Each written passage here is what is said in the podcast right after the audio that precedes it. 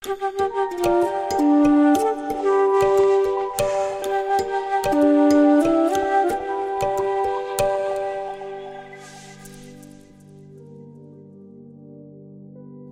weegschaal. Deze maand staat in het teken van de aandacht verleggen. Je kon de afgelopen tijd veel bezig zijn geweest met je persoonlijke ontwikkeling en het loslaten van het verleden. Nu kan je nieuw optimisme verwachten. Je richt je blik naar buiten. Ook wordt er licht geworpen op je gezondheid en je dagelijkse routines.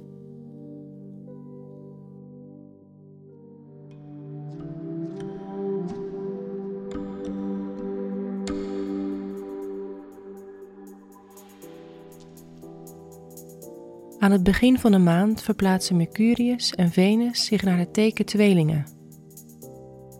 Voor jou betekent dit dat je steeds meer zin kan hebben om op avontuur te gaan.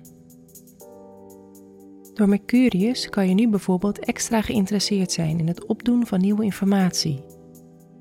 Mogelijk specifiek over verschillende culturen en religies. Door Venus kan je nu zin hebben om te gaan daten en nieuwe mensen te leren kennen. Als je in een relatie zit, wil je een frisse wind binnenlaten en de dagelijkse sleur doorbreken. Op 20 mei komt de zon deze twee planeten versterken.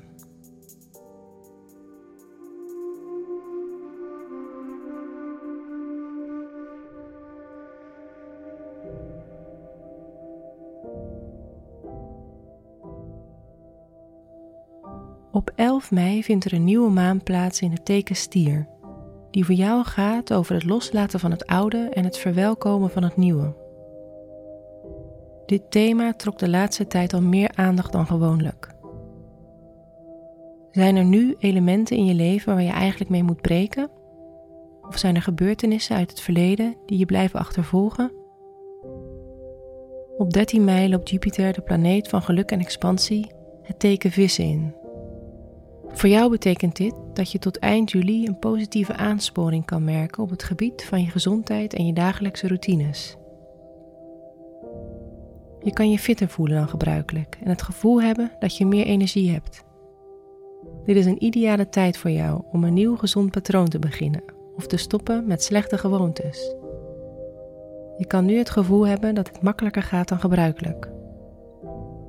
Houd je doelen daarentegen wel realistisch en word niet hoogmoedig, want overdreven optimistisch zijn is ook een kwaliteit van Jupiter.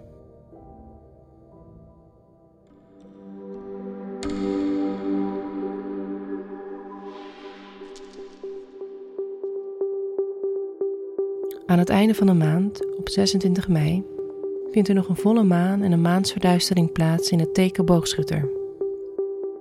Deze gaat voor jou over je communicatie met anderen en het opdoen van nieuwe informatie.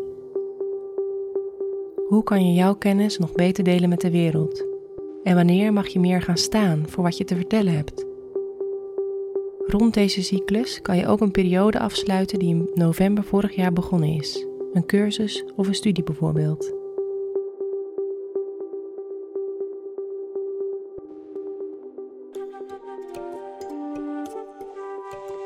fijne maand weegschaal.